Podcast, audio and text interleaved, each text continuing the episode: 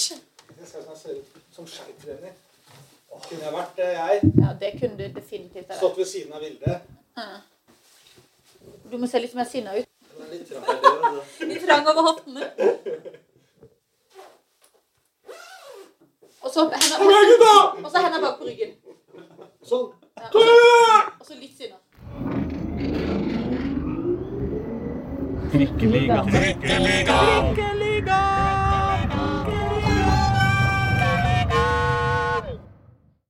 Mine damer og herrer og andre, velkommen til Trikkeligaen sesong 5, episode 4. Det er så lett å huske det nå som vi er i januar. Sjøl heter jeg Aslak Borgersrud. Jeg har med meg Pål Karstensen Hei, hei.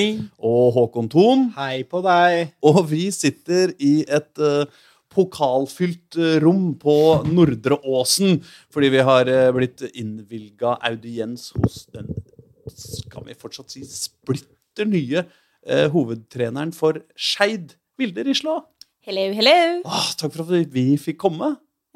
Hyggelig at dere ville komme. Ja, det er klart vi ville. Ja, så bra. Ja. Ja. Eh, hvor lenge har du hatt jobben, da? Oi. Ja, det er et godt spørsmål. Det føles som en evighet. Er det et godt spørsmål? Ja.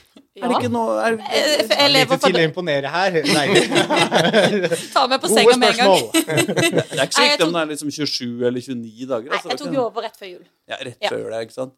Så du fikk, eh, du fikk eh, ikke tid til å feire jul eh, sammen med familie og konsentrere deg om gaver, dataspill og kosebukse. Men det blei bare se gamle kamper om igjen og Det ble en veldig spesiell jul, ja. Um, jeg tok julaften fri, men jeg tror jeg ikke Jeg var ikke helt til stede på julaften heller. Det var, det var, det var vanskelig å, å konsentrere seg om at det skulle være jul og ferie i utgangspunktet. Ja. Så det ble Hvor andre har slappa av og lada batteriene, så har jeg vært på jobb.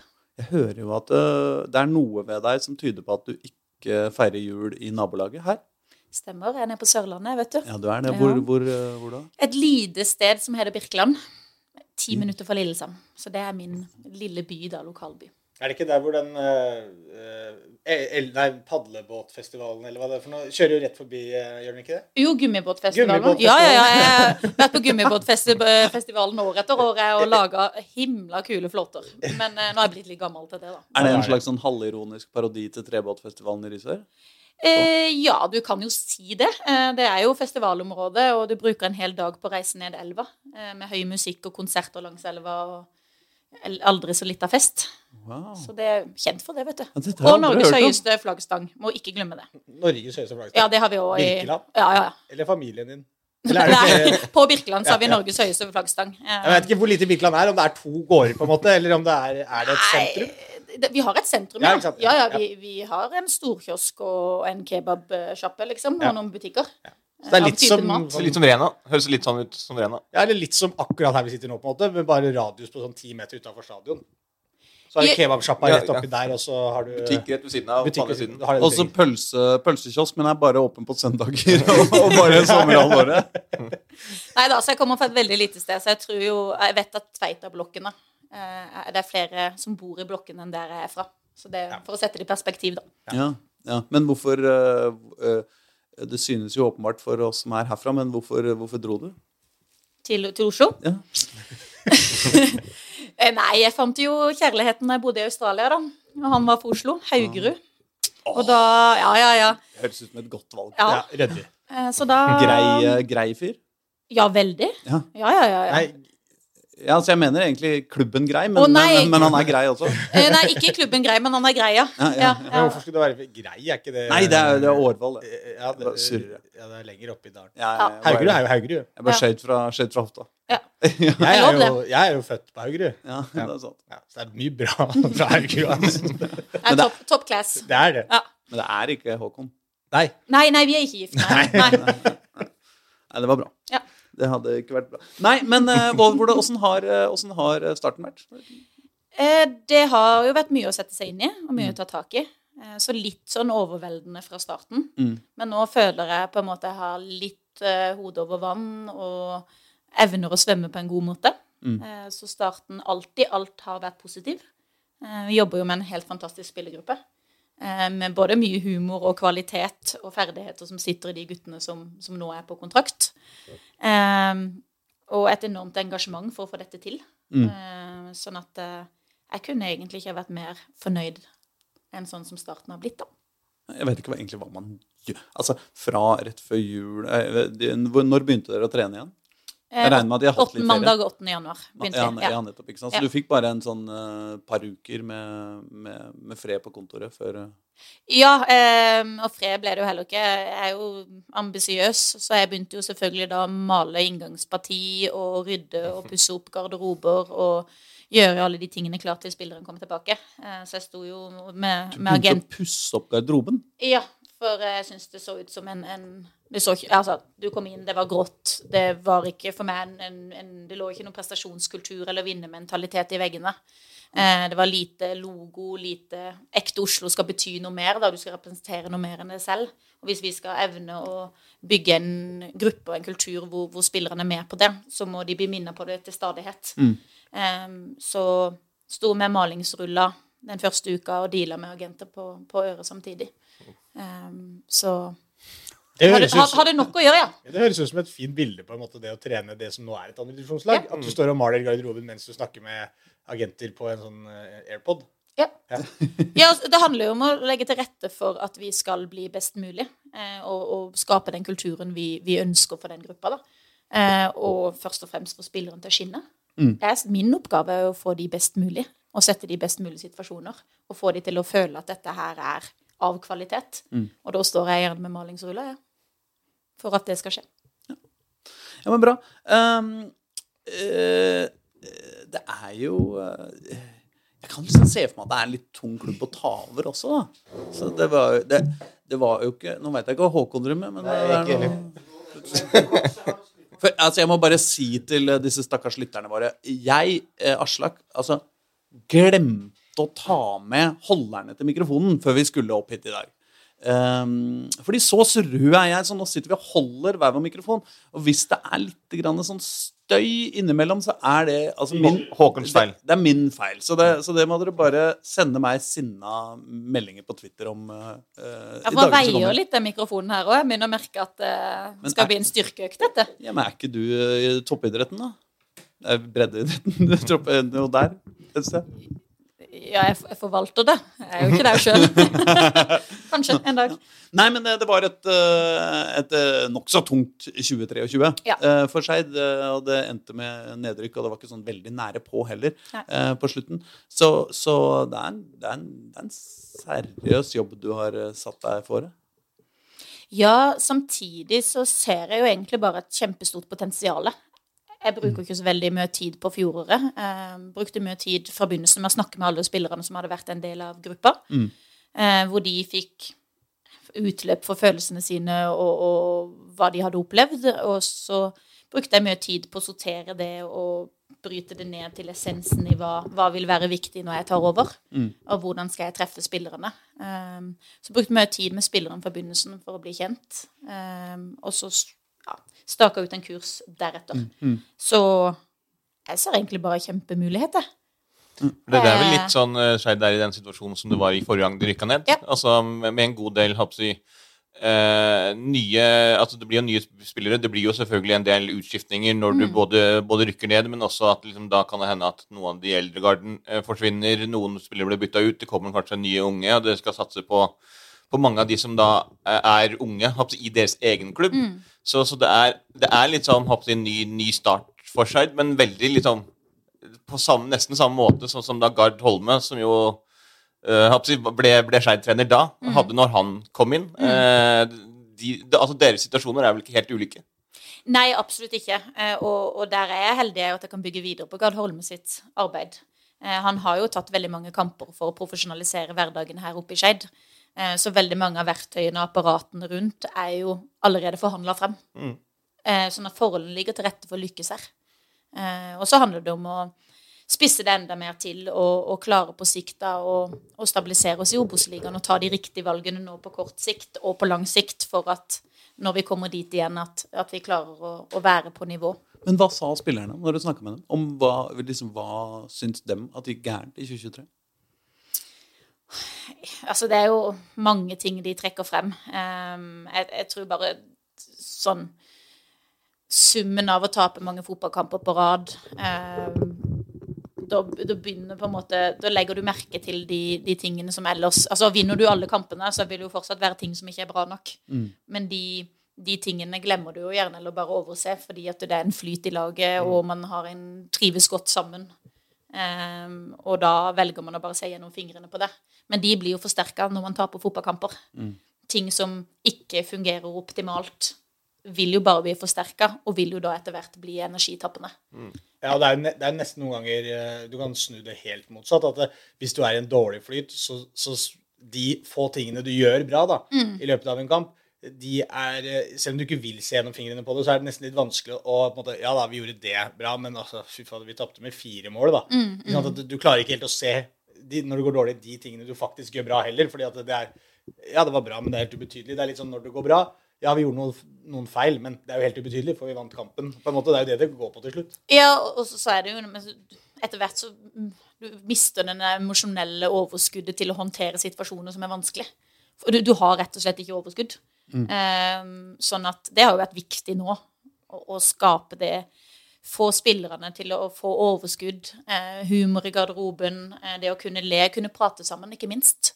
Eh, og så få de til å ha trua på prosjektet, og så heller sette inn tiltak eh, og stramme inn eh, når vi på en måte har kommet inn i det på en god måte og, og står samla som et lag. da.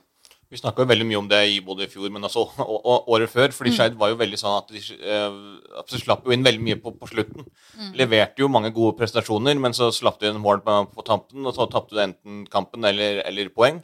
Og det, det så jo litt sånn, så akkurat sånn som du beskriver det ut i fjor, i hvert fall på slutten, siste halvdel av sesongen, at det var de, de prøvde kanskje litt fra starten, og så fikk de da en, en trøkk, og så forsvant liksom litt av eh, Ikke kalle det motivasjonen, men, men den, altså den mentale biten. da, Den gjorde at de liksom trodde at altså, nå, nå- blir det liksom sånn som det har vært i hver eneste kamp, og så, så kommer du inn i en sånn slags jeg vet ikke, sånn blindgate, litt sånn der. Og, og når liksom Arne Erland skulle ta over det her og så prøve å berge det, så så du liksom ikke Det var ikke noe sprut i det. Det var liksom ikke på en måte et ordentlig forsøk. Så det så nesten, nesten litt ut som, som de hadde gitt opp på forhånd, både fordi du så liksom, hvor vanskelig det var. Eh, at liksom, veldig mange av kampene var i samme sporet, da. Ja, og, og, der er det jo på en måte Hadde man vunnet kamp én eller to eller tre der, så, så får du jo en energi som du kan ta med deg inn i kampene, som kanskje hadde bikka det andre veien. Eh, men når du da går på tap etter tap, og du ikke har det overskuddet, eh, så, så er det mange faktorer som gjør at man taper fotballkamper på slutten. Selvfølgelig noen er inne på at man kanskje ikke er godt nok trent, f.eks. Men jeg tror det mye går på at de samme situasjonene kommer igjen og igjen og igjen, og det skaper et stress, og du har ikke overskudd til å håndtere det stresset, og så begynner man å gjøre feil. Men, men nå, nå, det blir jo litt sånn jo ikke, Dere rykker jo ikke ned fordi dere først begynte å tape Nei. tre kamper, og så bare gikk det Da var det gjort, på en måte. Så det må jo ha vært noen Det må jo ha vært noen eh, Jeg vet ikke Fotball Jeg vet ikke. Det må jo være noe annet enn det også.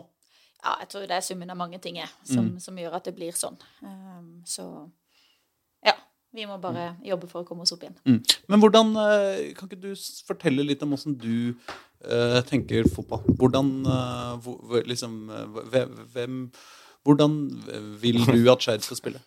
Åh, det er et godt spørsmål. Altså, først og Vi har bare tre og en halv time, Ja, ja, så ja, her, ja, ja. du må holde det litt kort. Nei, først og fremst, altså det viktigste fra start nå um, helt sånn, Drit i eh, tallkombinasjonene. Uh, og det er å Du må treffe på riktige typer inn. Nummer én ha de riktige typene. mm. De riktige type menneskene med de riktige type ferdighetene på og utafor banen. Det er pri én. Og ut ifra når, når det er landa, så kan vi begynne å snakke om tallkombinasjonene. For det er min jobb og trenerteamet sin jobb å sette disse spillerne man får inn, i situasjoner som får de til å blomstre. Og da må vi potensielt gjøre noen tilpasninger eh, for å få for å få Bendik til å se ut som en stjerne, da. Eh, Og få han til å blomstre og han- få han til å være på sitt beste. Eh, ja. Så, sånn at eh, det er jo pri nummer én. Eh, og så er det jo overordnede prinsipper, selvfølgelig. Eh, vi jobber mye med avstander nå, spesifikt eh, defensivt. Eh, hvorvidt vi løser det med en, en fembekslinje, eller om hvorvidt vi løser det med en firer bak. Det er ikke så viktig. Men prinsippene og, og hva vi jobber med, er jo likt uavhengig av tallkombinasjonen. Vi skal være helt sinnssykt rå på å nekte motstander å skåre mål. Vi skal være helt sinnssyke på mentaliteten på å jobbe som en enhet og nekte, nekte motstander å føle kontroll på kampen. da. Um, og evner vi det som førstepri, eh, så har vi så sinnssykt mange gode ballspillere at det som kommer til å skje offensivt, det forhåpentligvis vil være magi, da. Eh, og da tror jeg med de riktige typene om bord i tillegg, så, eh, så kan det bli ganske rått. Men når du sier å nekte de motstanderne å styre kampen, betyr det at dere skal, dere skal ha høy, eh, høy besittelseskontroll eh, på prosent, liksom? Ja, man ønsker jo det, men så skal man jo også håndtere alle kampbilder. Det er jo kjempeviktig. Eh, Det å ønske å ha ball betyr jo ikke at man ikke skal være komfortabel med å ligge defensivt og, og kontrollere. Du kan kontrollere en kamp eh, på en god måte hvis du ligger defensivt også, men da skal vi tvinge motstander til å ta valgene på bakgrunn av hva vi tillater dem, og ikke motsatt. At vi blir løpende etter, men mer at vi er dikterende, da. Eh, Og det tror jeg er kjempeviktig, å forstå at begge de delene av spillet er viktig. Eh, Det er grunnmuren i det vi driver med, da. Og Nekter du Altså, skårer ikke motstander mål, så er man garantert poeng. Så enkel er fotballen. Men ikke så mange. Nei, nei, så skal vi jo skåre tillegget, da. Men det er jo hellig, hellig overbevist om at vi kommer til å gjøre. Men eh, hvis, du, eh, hvis du ser for deg nå eh, La oss si vi er i, eh, vi er i august. Uh, Oi, Skeid ja. ligger bra an på tabellen, men, men det er det, det, Det ser sånn her ut i august, Da er jeg veldig misfornøyd, Altså. Misfornøyd med været. Ja. Nei, men La oss nå si i eh, denne tenkte øvelsen så sier vi at mm Skeid ser ikke ut til å rykke opp. Det, er ikke, det ble ikke opprykkssesongen, dessverre. Eh, men eh, i en kamp eh, så, som dere vinner Eller som ligger og vipper på 2-2, så skårer dere ett mål. Eh, og det målet, det syns du er så fantastisk og så riktig ut fra hva du har prenta inn i spillerne, at det liksom Det er verdt det. Hvordan er den, den scoringa, da?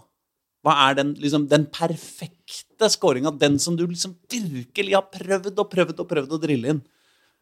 Ja, så, ja, så ikke egentlig en drømmeskåring, men en sånn drømmeskåring ut fra ditt fotballfaglige hode, på en måte. Ja, jeg mener ikke nødvendigvis sånn skudd fra 50 meter. Med Nei, mindre det er det du går for, på en måte. Er du spiller 70 pasninger på én touch, på en måte, og så bare broderer deg gjennom alt. Er det en lekker overgang til noen som er aleine med keeper, eller er det et eh, skudd fra 20? Eller Nei, nå har jeg jo lyst til å komme med litt sånn kjedelig svar, da. Ja, Får jeg lov til å være litt kjedelig? Nei. Jo, det blir det. Jeg styrer dette her nå. Nei da.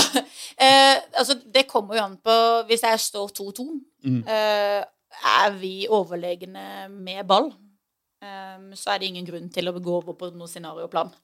Eh, da er det å sette opp et godt angrep, gjerne inne sentralt, med litt tredjemannspasninger og kombinasjonsspill inne sentralt. Eh, det syns jeg er helt fantastisk. Du vil gjennom midten, liksom? Ja. Du skal ikke, du skal ikke ut på, på kantene Nei, jeg går gjerne ut på kanten òg, altså, men hvis motstandere åpner inn sentralt, så skal vi jo definitivt inn sentralt. Mm. Um, et kombinasjonsspill der og, og komme alene med keeper, det Ja, det det du, men du vil aleine med keeper, ja?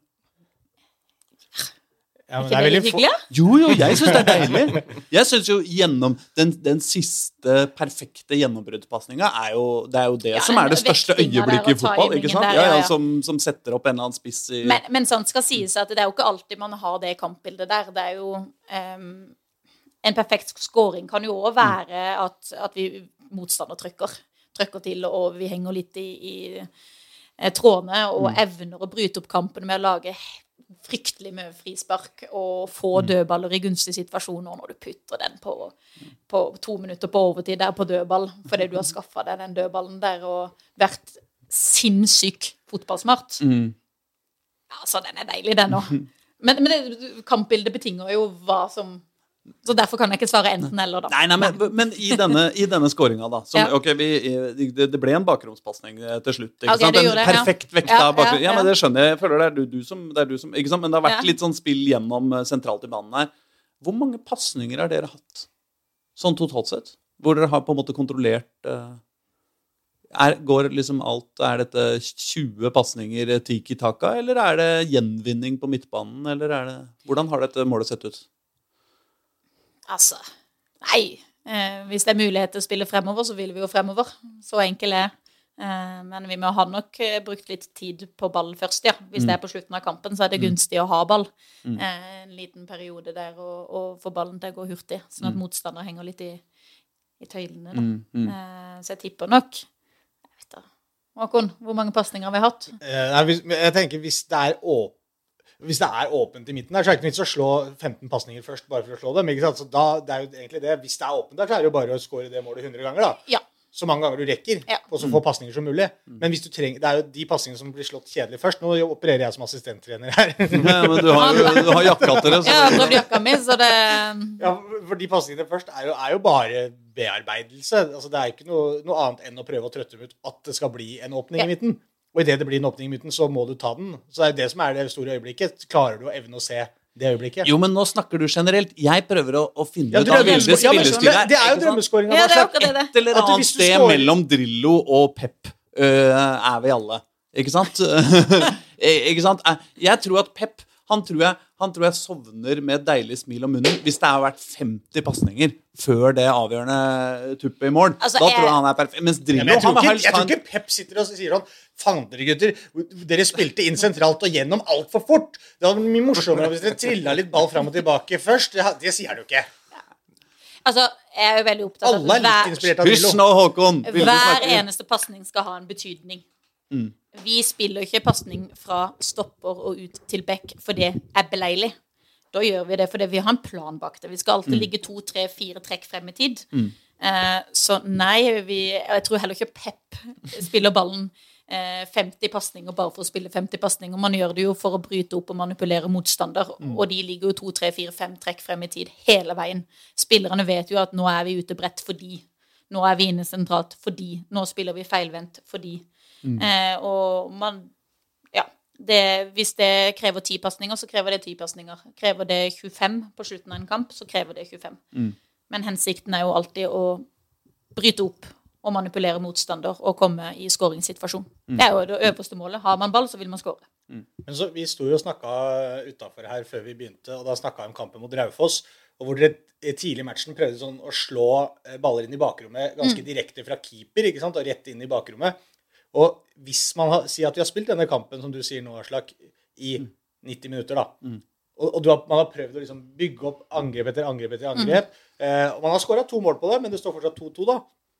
Og man har egentlig ikke slått, prøvd så mye på den der direkte gjennom, så motstanderen har nesten glemt det litt. Og hvis du da, Det er jo litt av det som er prinsippet i det. Hvis, hvis motstanderen hvis du har det i verktøyskuffen, så kan du plutselig dra opp den da, og bare banke den 70 meter rett igjennom, og, og det blir gjennombruddspasninga. Så er jo det er jo like gøy, det, for du har jo lurt motstanderen. Ja, men skal jo ikke sånn Vi, vi spilte oss jo ganske mye ut bakfra eh, mot Raufoss fordi vi øver på det. Og vi snakker veldig mye om dagen nå, å tørre å være modig og tørre å gjøre feil i preseason. Og, og tørre å faktisk Altså, vi skal være litt tøffe i preseason, for det er eneste måten vi skal bli et skikkelig godt fotballag på. Og da valgte vi å frispille en del bakfra. Og så bommer man en del ganger og får gode bilder på det, og så kan man jobbe med det. Men vi er veldig tydelige på, og spillergruppa Det prinsippet er etablert allerede, at hvis vi kan gå direkte inn i bakrom, Mm. så går vi direkte inn i bakrom. Det er der målene skåres. Mm. Vi skal ikke spille en pasning for å spille en pasning, og vi skal ikke spille ut bakfra for å spille ut bakfra. Men vi skal ha det i verktøyskassa vår, og vi skal kunne slå langt. Mm. Vi skal beherske egentlig alle kampbilder, da. Eh, og da må vi i preseason teste oss på det. Mm. Vi må bruke de ulike kampbildene vi- vi får i treningskampene våre, på å bli bedre på det. Og det kan godt hende at noen fikk litt grå hår av å se oss mot Raufoss, men steike når vi treffer, så er vi søren meg gode, altså. Og hvis vi har det i, i verktøyskassa vår, og vi begynner å treffe på, på timingen på bakromsløpene når de støter med stopper der, eh, og, og timing på løpet, og den får prikk, altså, for vi får prikka den på fot rett i bakrom, da er det jo 1-0 sjalabaisen til motstanderen, ikke sant?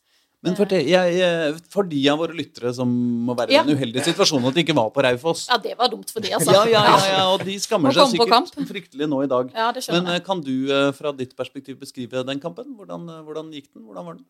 Altså, vi, vi som trenerteam er veldig fornøyde med reaksjonen til spillerne, først og fremst. Eh, vi satt dagen før og, og var tydelige. Vi laga mål sammen. Hva er det vi skal i denne kampen? Og, og, og spillergruppa ble enige om at vi skal tørre å, tørre å være modige. Mm. vi hadde jobba en del, en del Vi hadde hatt fire økter på prinsippnivå før denne kampen, så en del har vi ikke jobba. Men, Men en del av den tida en del av den tiden så hadde vi jobba både med, med avstand og defensivt, og så hadde vi jobba med frispillingen eh, og forstå de grunnleggende prinsippene der. Um, og så syns jeg de, de Når de går ut der, så Altså, de er modige, altså. De tør å spille på spillere som har press i rygg, og de tør å sette opp situasjoner som andre får liksom hakeslepper, liksom. Um, og Og det som er publikum sitter og ja, det, oppleves at vi spiller på høy risiko, da. Eh, men velger vi å ikke gjøre det, og, og spille komfortabelt og tenke at vi eh, skal spille en fotballkamp hvor vi på en måte i, i preseason gjør alt altså Selvfølgelig, eh, som jeg sa til Håkon, jeg hater å tape fotballkamper. Og det er et faktum. Men samtidig så er det det å evne å skille på en måte resultatet fra hva vi jobber med, da, og, og, og se Raufoss-kampen i den fulle og hele kontekst, da. Fordi det er til syvende og sist i oktober det avgjøres. Og da må vi sørge for å gjøre det vi kan hver eneste kamp for å kunne avgjøre det i oktober. Men eh, eh, jeg skjønner at resultatet ikke er så viktig, men hvordan ble resultatet? Eh, vi tapte til slutt 2-1. Eh, leder 1-0 til pause. Eh, og så kan man jo si at man om man er heldig eller ikke heldig altså Raufoss eh, har mange sjanser, og vi slipper til eh, Var det 13 dødballer da, Håkon? Ja, 13 hjørnespark. Hjørne, Ja. hjørnespark. var Eh, noen 30 frispark, cornere. Eh, og så slipper vi til noen frispark i tillegg. Eh, sånn at eh, vi, vi har jo ikke øvd på dødballer og hvordan vi håndterer det defensivt. Så vi fikk jo helt sinnssykt mange gode bilder på det. Eh, sånn at Raufoss kan like godt ta en scoring, men vi kunne like godt tatt en til. Vi har jo et par ganske store sjanser i, i tillegg. Um, så alt i alt så er vi, vi fornøyde. Og så skulle jeg gjerne sett at det sto 2-1 til oss fremfor 2-1 til Raufoss. Det virker jo litt som at det var en kamp eh, der du hadde liksom eh, De hadde en god del store sjanser, og så var det ikke de store sjansene de skårte på, men heller da personlige feil eller sånne slurv eller eh, forsøk altså, som mislykkes hos, hos dere, som de skårte på. Ja, altså, de, de, de skårer jo på Altså, vi glipper ball rett utafor 16 meter to ganger. Um, hvor når vi spiller på den risikoen vi gjør, så skjer de feilene. Og så er det det å jobbe med å eliminere de vekk til vi kommer til seriestart. Ehm, så det, jeg blamer ikke spilleren på det. Eh, De, de vet allerede hva de må gjøre annerledes, og hvordan de kan løse det. Eh, Det er så reflekterte spillere her at det er ikke sånn at jeg går opp i garderoben og kjefter på dem pga. det. Eh, Jeg syns det bare var modig at de prøvde. Og så må vi selvfølgelig jobbe for at det ikke skjer i, i seriekamp, da. Er du glad i å kjefte? Hmm? Er du glad i å kjefte? Blir det mye kjeft? Jeg har ikke kjefta så mye nå, nei. nei. Men de vet ikke hva som møter de. Det kommer til å smelle, liksom? Ja. Så, Nei, ikke hvis alt går på skinner, så, da. så hyggelig. ja, men da finner jeg noe, da. Ja, da, ja. Må kjefte litt. Ja. Nei, men altså sånn Jeg syns jo jeg, jeg, sa, jeg sa det til Håkon eh, her, eh, var det etter kampen. Eh, Assistenttreneren her borte. Ja. Assistenttreneren, ja. Eh, jeg jobber jo med å legge ut et nytt eh, innlegg på Instagram. Eh, det er jo det, sånn man må, vet du. Ja, man må. Eh, så legger jeg ut et, en serie da, isteden. Jeg har lagt ut på Story og sånne ting, men jeg tenkte jeg må legge ut et innlegg, for det siste innlegget er over et år siden, og det var når jeg takket av Grorud. eh, Etter ni år i Grorud. Så jeg må jo legge ut et bilde, eller legge ut en tekst. Utfordringen er jo det at eh, alle disse bildene som er tatt av meg, enten om det er Skeid som har tatt på trening, eller om det er Håkon som har tatt på kampen mot Raufoss, så ser jeg jo ut som den skeptiske, sinna eh, Altså, stakkars de spillerne som jobber med meg, når du ser på de bildene, altså. Så jeg har ikke et eneste bilde hvor jeg ser happy ut. Og jeg finner ikke den teksten som jeg skal ut på det Nei, fordi Instagram-bildet. teksten er jeg, Det er så hyggelig at jeg har fått sjansen her i Skeid, og så er det sur. Jeg er også så skeptisk. Ja. Altså, det er jo kjempeskeptisk. Og jeg ser jo det bildene fra trening òg, altså. Det er, jo, det er jo ikke rart hvis, hvis spilleren er litt på tå hev om dagen, når hun der dama står med armene i kross og nistirrer på dem med rynker i panna, liksom. Ja, men, men når du ser på de bildene sånn helt på, helt på ekte, sånn for, deg, for din egen del, blir, tenker du sånn Jøss, er, det- er det sånn jeg er? jeg sånn? begynner jo å tvile på meg sjøl, da. For jeg trodde jo jeg var liksom smilte og var happy og, eh, og liker litt humor og, og ler, og, og man skal liksom kunne ha det i hverdagen også, selv om man skal ha en prestasjonskultur. Men det ser jo ut som det er fryktbasert ledelse.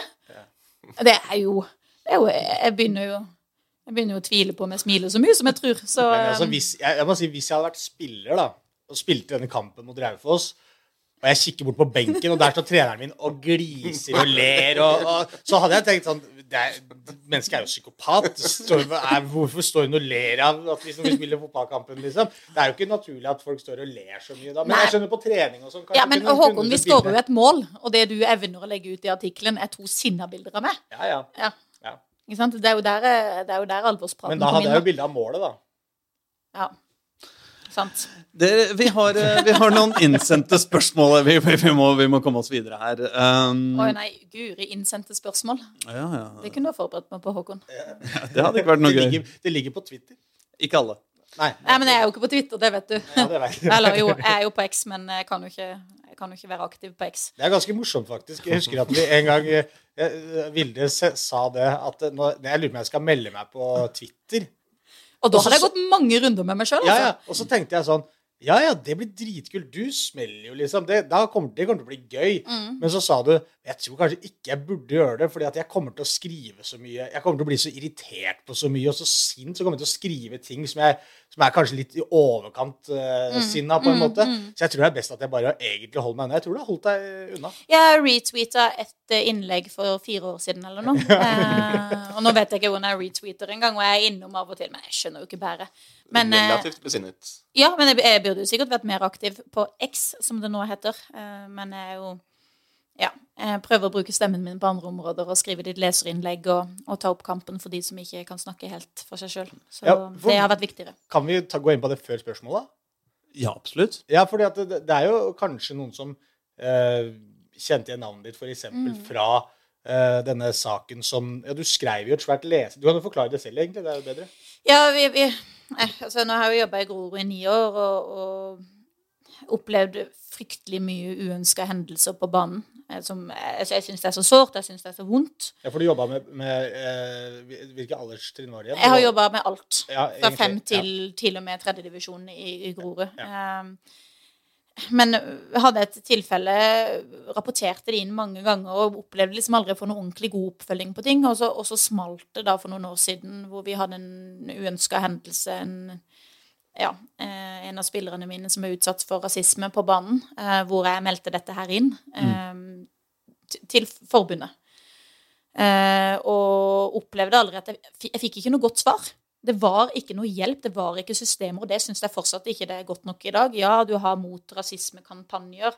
Veldig bra, det er bevisstgjørende, men vi har ikke gode nok systemer for å ivareta de som blir utsatt, og ikke minst følge opp de som har utsatt vedkommende for.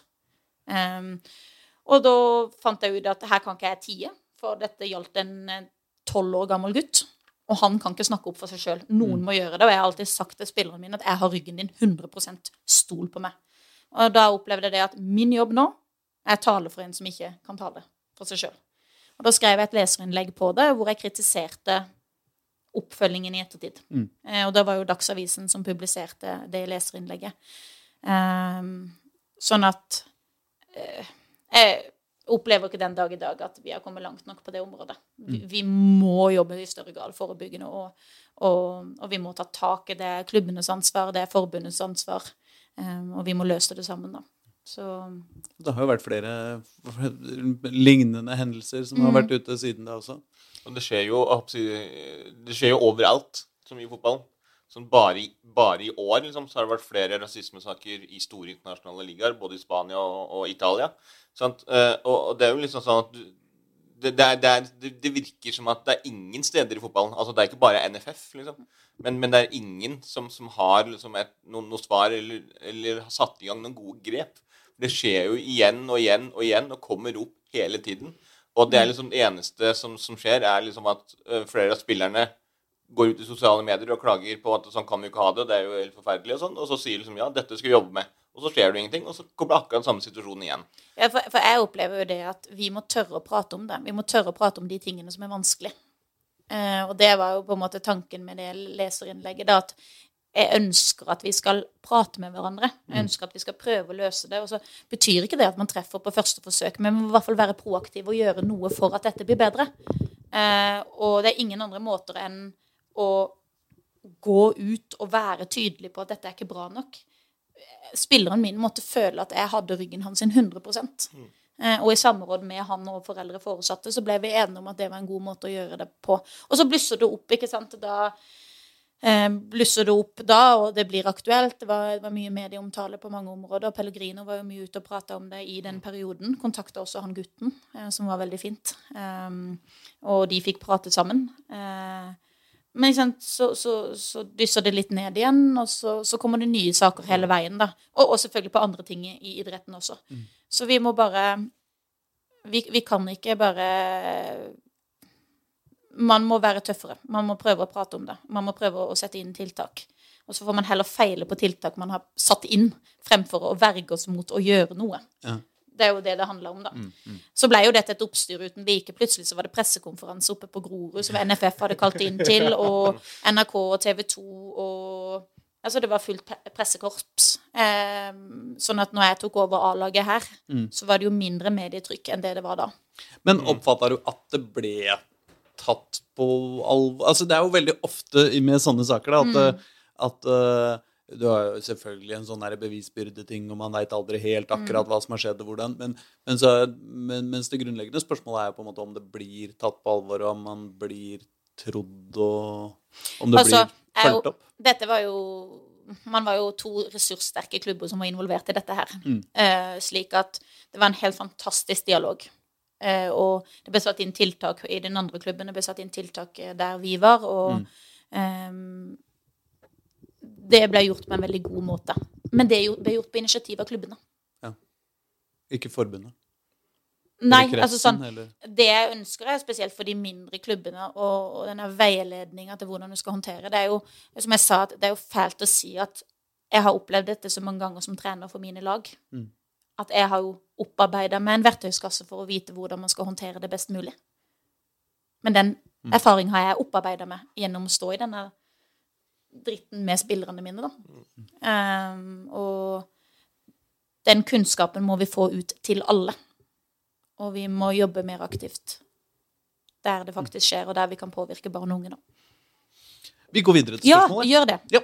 Um, Neymar Sito spør ønsker du å, som trener å hente unge fra eget akademi, eller ønsker du å hente spillere utenfra? Eventuelt hvilke spillere er aktuelle i planene? Eh, vi ønsker å kunne kombinere eh, og ha etablerte spillere, eh, gjerne i sentrallinja. Eh, det, det er naturlig. Og så ønsker vi å bygge på de spillerne vi har i klubben. Nei, veldig mange trenere kommer inn og sier at det er så mange spennende spillere i akademi og i klubben. Oppriktig. Her er det Altså, jeg starter jo med 08-er mot Raufoss. Og en 07-er. Og en 06-er. 08-er? hvor gammel er 16? Han fylte 16 år for en uke siden. Å ja, så det er, det er for, da, og det er først når du har fylt 16 du kan? Nei, Nei, du kan Nei, du kan ja, ja. Det, er bare, det er bare på Fifa. Det er, bare, det er sånn Ja, det er 16-årsgrense. Så Martin Ødegaard kunne ikke være med på Fifa. nei, nei, det er sant. Men, men det handler jo det om å, å klare å kombinere det. Mm. Uh, og, og evne å sette sammen en komplementær tropp. Men hvordan, hva er du på utkikk etter akkurat nå, når du, alle disse agentene ringer? Hva er det som får, de til å, får deg til å tenke eh, nå litt. Hva sa du igjen?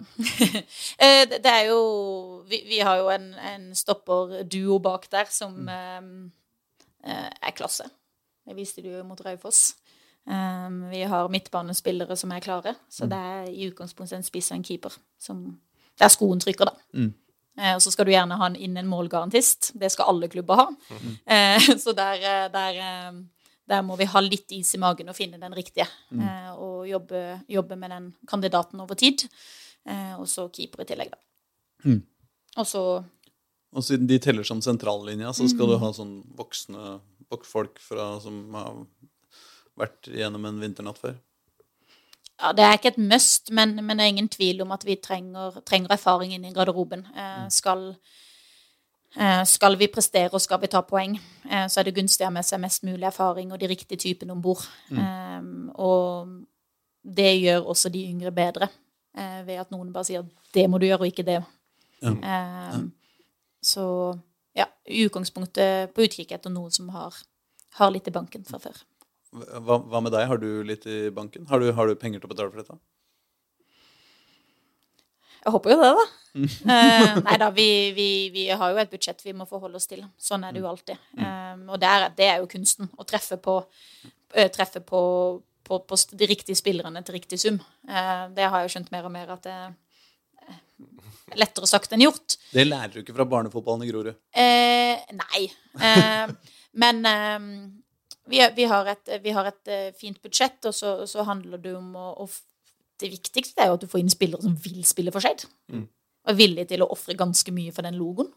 Og jeg går ut på den banen og er villig til å krige for de tre poengene hver eneste dag.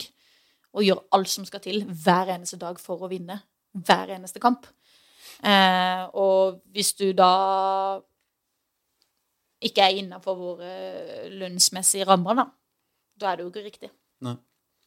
Og så har jeg respekt for at spillere må ha lønn. altså Det er ikke noe med det å gjøre. selvfølgelig. De skal få, eh, få sin økonomi til å gå rundt om. Men er det sånn at du trenger å, s- bli kvitt flere før du kan hente nye, liksom? Eller har du, har du litt å gå på? Nei, vi har litt å gå på. Ja.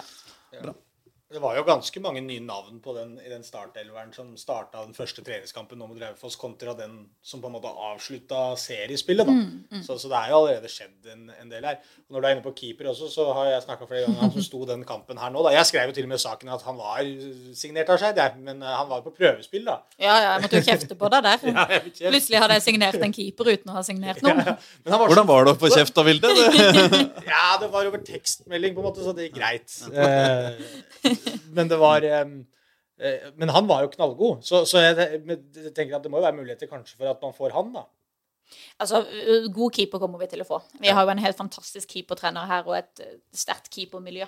Sånn at jeg opplever at vi er attraktive. Eh, Så handler det om å finne den rikt, riktige typen eh, med de riktige ferdighetene. Og det, det, Og det er han som sto mot Raufoss. Det har du bestemt. uh, uh, er assistent. Jeg må jo ha noe å kunne si her. En som nesten er din navne, navnebror, eh, eh, nemlig han heter Blårisla. Det blir jo nesten ikke, ikke Rislå, men Risla. Ja. Um, han spør om Max Bjurstrøm er aktuell for lån eller permanent overgang. Eh, Ja, han trener med oss kommende uke. Oh, ja, Så, han vi, ja. Så det ser vi fram til å bli bedre kjent med han. Vålerenga-bekken. Mhm. Mm. Han spilte mot Raufoss, han òg, da. Ja, han gjorde det? Ja. Jeg, jeg må ha vært et annet sted. Ja, da, så han trener med oss kommende uke, og så blir det fint å bli bedre kjent med han. Men du har ikke bestemt deg. Absolutt ikke. Er det din call? Så jeg bestemmer jo hvem som, er, som skal inn i spillertroppen og ikke, så vi får se. Det må Det være Det er ingen folk. andre her som kommer og begynner å si Du får bestemme. Du er allmektig på Nordre Åsen. Altså, alle har jo noen meninger der ute, men uh, jeg skal nå prøve å få det sånn som jeg vil. Har Ja, det blir vel fort sånn at hvis man sier nei når man er hovedtrener, så blir det jo veldig uaktuelt å hente en. måte. Ja, ja. Men hvis du har veldig lyst på han, men noen andre kanskje sier ja, men ok, men se på det her og sånn, så kan man jo kanskje være åpen for å se på andre løsninger òg, da. Men Ja, da er jeg, veldig, altså, jeg er veldig på det at vi må hente inn mest mulig referanse på de spillerne vi skal hente inn. Eh, og det går på, på mennesket, og det går på ferdigheter, det går på hvordan de håndterer medgang, motgang. Mm. jeg bruker mye tid på å ringe rundt. Eh, sånn at eh, Sjekke referansene. Ja. Ja. Og er, jo mer man vet, jo mindre er risikoen for å hente inn spillere.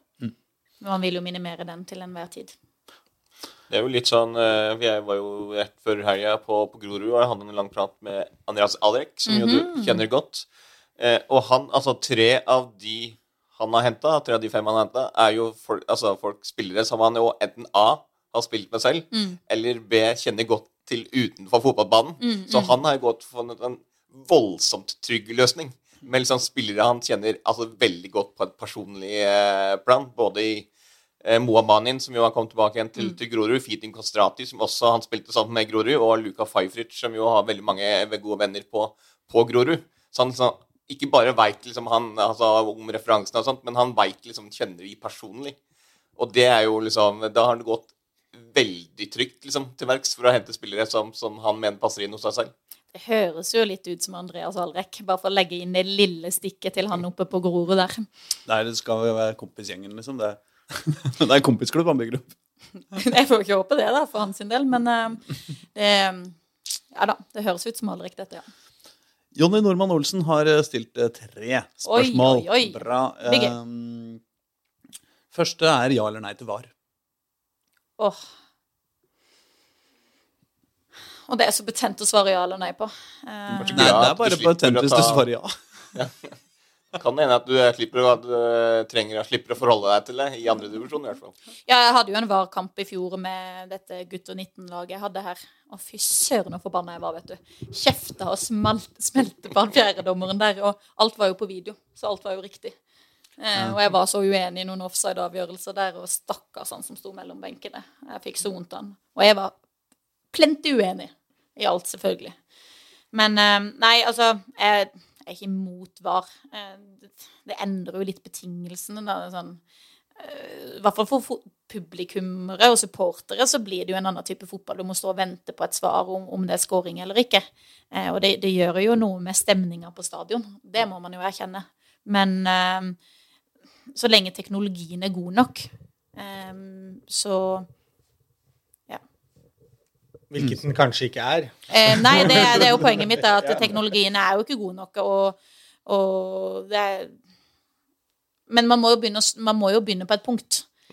Og det er ikke noe tvil om at det, det endrer praksisen til dommerne også. De må jo øve på å gjøre dette her, og ikke minst eh, evne å ta avgjørelser inn i den varboden litt kjappere enn det som kanskje gjøres nå, spesielt i Eliteserien. Ja. Det, er, det, er jo, det er jo nesten enklere å svare på Hvis du hadde hatt et perfekt VAR-system, så kan, er det fortsatt en del som sier at man ikke ville hatt det. Ja.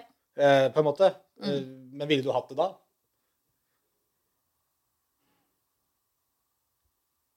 Åh! Eh, ja, ville jeg det, da? Jeg hadde jo fortsatt vært uenig. Ja, ja det blir du jo. Ja. Uenig kommer du til å være uansett. Ja, vi og dommere, vi er uenige hele tida. um, jo, eh, jeg sier ja til VAR i en optimal verden. Eh, Spørsmål to fra Jonny. Basert på Som nå sikkert ikke liker deg lenger. Alle supportere har hatt var. Så det, Ja, men jeg skjønner jo supportere. Jeg syns jo ikke det er noe gøy sjøl som supporter. Men det er forskjell på å stå der som trener og supporter. Det må man evne å skille, da. Hvilket, hvilket, eh, hvilket lag pleier du å stå på supportertribunen for? Manchester United. Og så trenger vi ikke prate noe mer om det akkurat nå. Nei, men Norge, da? Start. Det trenger vi i hvert fall ikke å prate om. Altså, da, har, da har vi faktisk ikke lang nok tid i Nei, den podkasten til å snakke om det. Fordi Spørsmålet er om du håper eller ikke at dere møtes neste år.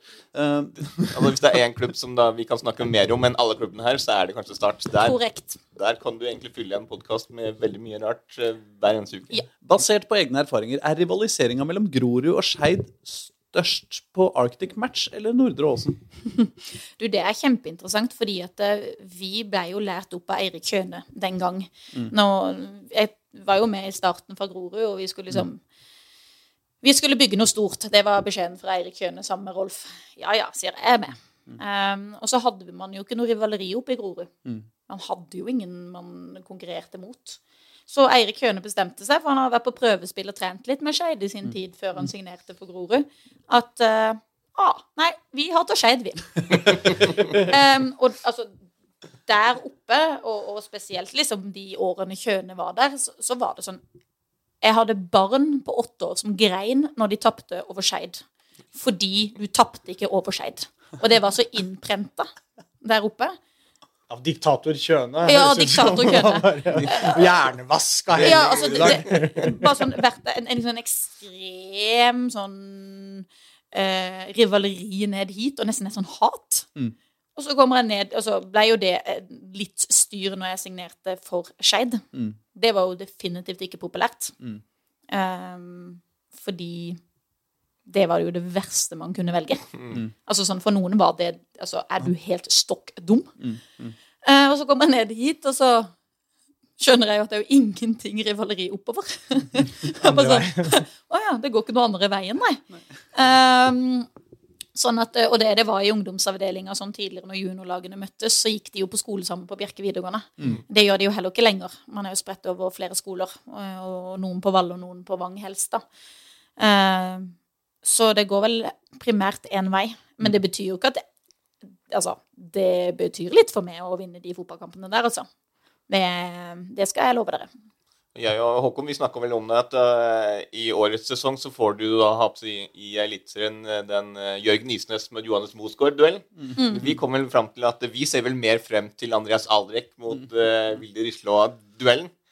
Eh, og eh, Aldrek var jo altså, Akkurat det du sier der, var jo litt tydelig. For når jeg snakka med Aldrek om det her på fredag, ja, så var det veldig mye eh, Det var, kom mye den veien, liksom, Mm, men ikke så mye herfra. For jeg har aldri lagt, eller, lagt, lagt noe spesielt merke til at Skeid liksom skal ha noe Men der var det sånn Ja, selvfølgelig skal vi mose Skeid, og det er ikke noe sånn vi skal vinne den kampen og Vilde har litt å stri med, men det får vi ikke tenke på. Nå skal vi skal banke de. Altså, det er liksom alt, alt liksom, Det kom liksom helt, helt naturlig. Men det skal sies at eh, jeg syns dette egentlig var ganske smart av eh, Grorud. Altså, for du trenger noen rivaler. Det, er, det, du, du, det er det som er gøy, å ha noen å hate. Ikke sant? Det er jo det som er moro. Og at Grorud på en måte bare plukka seg skeit. altså, Det er ikke helt, helt sånn eh, ut av det blå, er det jo heller ikke. Det er Nei, på en måte tar du, Kjører du bilen nedover fra Grorud, så er det første banen av lagene møtte, var jo Skeid. så, så, så det er jo sånn som det egentlig den nærmeste klubben også. Så jeg, sant, I den tida hvor, hvor Grorud holdt på, hvor dere holdt på der med Kjøne og med deg og med ja, Alrik og alle som var en del av hele klubben, gjorde jo veldig mye riktig på den tida. Det var jo sånn, vi, vi, Man tok tak i liksom nærområdet. Man bygde opp en identitet rundt liksom emblemet som du snakker om nå i Skeid, også rundt Grorud. Det å gå i drakter, gå i treningsdresser. Og så, men så, du, du kan ikke bare gå og flagge med nor norske flagg. Du må på en måte ha en svenske der som du kan liksom knuse. og Det smaker litt ekstra godt å knuse. Og jeg synes jo, i motsetning til mange andre, så klarte Grorud til en viss grad å få fram litt rivaleri der. Hadde Skeid og Grorud møttes litt mer jevnlig Nå ble det på en måte, så rykka Grorud ned. og så Hadde man fått mange sesonger mot hverandre på nest øverste nivå i Norge, så hadde jo selvfølgelig det rivaleriet blomstra opp Ja, ja. her, her også. og da, og, at spillere for eksempel, som går hver sin vei og, og scorer mot det andre laget. sånn, Du trenger noen sånne historier. Og på toppen der, da begynner man å snakke om et rivaleri. Og dette her har vi jo prata om 100 ganger i denne poden, for vi syns jo for vår del òg skaper jo mer eh, blest rundt kampene. Ja, ja. At Eirik Kjøne satt der oppe og sa vi skal knuse Skeid. Skeid er et tullelag, ikke sant. Mens du dro vi ned hit, og så var det sånn Ja, dem sier at dere er noen eh, fjomper oppå der, ikke sant. Det er, og så sier her syns de på Grorud at vi er dumme, liksom. Nei, vi har ikke noe imot Grorud. Jeg syns det er helt ålreit. Fin klubb, det, liksom. og da, så du fikk liksom aldri helt sparra ordentlig. Nei, og så tror jeg liksom de kampene som kommer nå, er nok, de er nok mer spesielle for meg enn det er for spillerne. Men jeg skal nå fader meg få over den energien jeg har, og det motet jeg har til å vinne de kampene til spillergruppa, altså. Nå på søndag. Uff, Og det er nå på søndag. de skal fader meg løpe. Men jeg er lurer på det bare første treningskampen til Grorud. Sant? ja, den første kampen er vel i Jonan Obos supercup også. Ja, det er korrekt. Så det er liksom både er det liksom første kampen til Aldrek da, i, i år, mens Mm. også er det liksom en nyvinning og litt sånt. Så nå, det står vel litt ekstra prestisje Ja, og så er det jo veldig fint for meg å altså, det, Jeg og Alrik snakka sammen på telefonen i går, og det, det er jo Vi må jo erkjenne at det er spesielt at vi står der med hvert vårt lag i Post Nord-ligaen. Fordi det var ikke rom for oss alle i, i Grorud. Eh, jeg var den som måtte ut. Mm. Eh, og plutselig, eh, fra å ligge med brukken rygg i november for da over et år siden og tenkte at ja, bli, altså, vil noen ha meg? Er jeg god nok? Er det dette jeg vil drive med? Til å skulle stå der og lede et, et seniorlag og en så tradisjonsrik klubb som Skeid mot Grorud. Det er jo klapp på skuldra til både meg og Alrek. Så det blir jo steikegøy. Men var det, er det sånn den historia er sånn Fordi det jo, var jo på en måte neste på lista mm. Ish var jo jeg, men hvorfor dro du fra Grorud? Du har vært der i mange, mange år og vært på en måte Uh, li, vært en av de trenerne der der som har ligget liksom oppunder hovedtrenerjobben og, og, og uh, kanskje vært en naturlig arvtaker. Men, at det var, men det problemet ditt var at dere var to? Nei, Altså vi, sånn som Grorud, de har jo produsert trenere på, på løpende bånd. Altså Du har jo Kjøne som gikk først ut, eh, og så hadde du Torgeir Helgen og Johan Jønnes Nilsen, ikke minst, eh, som jeg fikk jobbe med her i fjor også. Ja, Før det så var det vel noen sånne Var det ikke noen andre trenere på litt sånn barne-junior-nivå eller noe sånt også som forsvant i Stabæk? og- Jo, vi, vi gjorde jo tre-fire Ja. i Stabæk, har man jo. Eh, så det er jo på en måte trenere som har vært innom Grorud-miljøet overalt i fotballen i Norge nå, og i toppfotballen. Eh, sånn at det har alltid vært et sånn kompetitivt, tøft faglig miljø, eh, hvor vi har pusha grenser hele veien. Eh, og så endte det jo opp med, liksom, når Grorud da rykka ned for Obos-ligaen eh, Jeg var på utgående kontrakt, eh, og man må kutte eh, i budsjett. Eh, da er det jo naturlig at det er på en måte den enkleste å få ut, da. Hvorfor det? Fordi jeg har jo ikke kontrakt. Ja, sånn, ja. ja. Mm. ja. Um, og så Men er det så enkelt det liksom gjøres? At hvis Nei, det som ikke har kontrakt Nei, tar- nei, det var jo ikke det. Det var en lang prosess uh, hvor det var fryktelig sårt. Fordi at, ik- Ikke fordi at jeg skulle forlate Grorud i den forstand, men jeg skulle forlate alle barn og unge. og Jeg er jo så ikke sant? Jeg har jo tatt vare på veldig mange av disse her. Jeg har vært reservemora til veldig mange av disse barn og unge. Jeg har hatt De som spilte mot oss på junior i fjor, hadde jo jeg hatt siden de var fem år. Ikke sant? Jeg kjenner de så godt. Og det det var liksom sånn hvordan skal, hvordan skal dette nå gå? Kommer de til å klare seg? Hva eh, altså, den, det var de som, som, som Det var jo spillerne som ga meg den tilhørigheten til klubben, da. Eh, og det var det jeg var redd for. Kommer jeg til å bli like glad i noen igjen? Det høres jo så banalt ut, men, men de, du går jo noen runddanser med deg sjøl på de tingene da. Mm. og så var jeg heldig og fikk muligheten til å komme, komme inn i, i Skeid. Og jeg sa det siste seriekamp eh, til guttene mine på junior. Eh, så holdt jeg en siste tale eh, til dem, og så sa jeg det at eh, jeg sto her for ni måneder siden og var livredd for om jeg noen gang kommer til å bli glad i noen igjen. Altså, er det mulig? Er det mulig å føle tilhørighet andre steder? Og nå står vi her, og vi har vunnet ligaen. Og jeg er liksom jeg er dritstolt av dere. Jeg er dritglad i dere alle sammen. Så jeg vil bare si det før dere går på banen. Gå ut og kos dere. Jeg er glad i dere. Um, og det trodde jeg ikke jeg skulle få muligheten til. For Det var vel litt mye den samme rollen som du fikk i Skeid, som du hadde i, i Grorud? eh, Når du kom hit, Mm, Ja. kom hit for første gang? Ja, det var egentlig identisk. Men eh, så må vi videre til det mest interessante Oi. spørsmålet til Jonny Normann Olsen. Ja, og det mest såre, kanskje også. Oi. Og, åpenbart, vi har vært innom noe litt, Ja. Mm. litt tungt allerede, men, men her Hva syns du egentlig om den pelsen til Daniel Holmeide Strand? Og det er det jo litt diskusjoner på i mediene nå om det er lov til å arve en pels, eller om det, om det er på en måte politisk korrekt eller ikke. Det har jo sett det stå litt om. Å ja, det det? Ehm, men um, ja, den pelsen, den trenger vel kanskje ikke vises for mye. Gjør den det? Men jeg lurer jo på hvordan reaksjonen hadde vært hvis jeg hadde brukt pelsen på lagbildet og stått i midten i år. Jeg har vært inne på tanken. Jeg syns det har vært et forsøk, men uh, du er redd for at det kommer Dyrevernbeskyttelsen på Ja. en måte og Ja. sier dette går ikke. Og så tror jeg nok uh, det spillergruppa vil tenke hva pokker hun driver og vil det med nå. Hva er det en rar aplegøye igjen som skal, hun skal komme med, som hun har en tanke på. Jeg tror Bendik Riise vil riste fryktelig på hodet hvis det, hvis det kommer ut i pelsen. Han liker ikke pelsen. Nei, det vet jeg ikke, men uh, han, rister, han rister nok på hodet på meg allerede, så jeg tror, eh, jeg tror han er den Det første får til å riste. holde at det er én oppe her som går med pels. Ja, nei, jeg tror ikke vi trenger å bruke den pelsen så altfor mye. Men det er et arvegods. Den kan fint henge der oppe. Ja. Ja. Det er vel sånn, uh, Vi har vel vært oppe her på en del flere podkastinnspillinger der Daniel har møtt opp i akkurat den, den pelsen. Så det- Daniel er glad i pelsen, ja. Han er glad i, i pelsen. Og ablegøyer. Jips. Så La oss, eh, la oss ikke snakke mer om Daniel.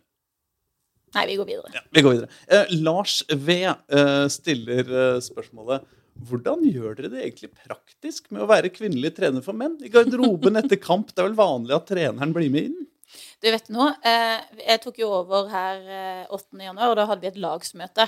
Eh, og så gikk vi ut og trente, og så satt jeg med bilen sammen med Vi har med to eh, praktikanter fra NIH som også trener laget i klubben, eh, som er med rundt A-laget. Endre Nash heter han, og så, så spurte han Vilde, du skal ikke nevne til spilleren at du er kvinne. liksom, skal, skal du løfte det? Hva, hva er tanken? Så snudde jeg meg sånn det ville jo vært litt rart hvis ikke de har skjønt at jeg er kvinne til nå, liksom. Eller så, så Ja, alle sammen. Hei, det er, jeg, jeg er den nye treneren. Jeg heter Vilde, og jeg er altså da kvinne. uh, Nei, altså, jeg, jeg har ikke løfta det.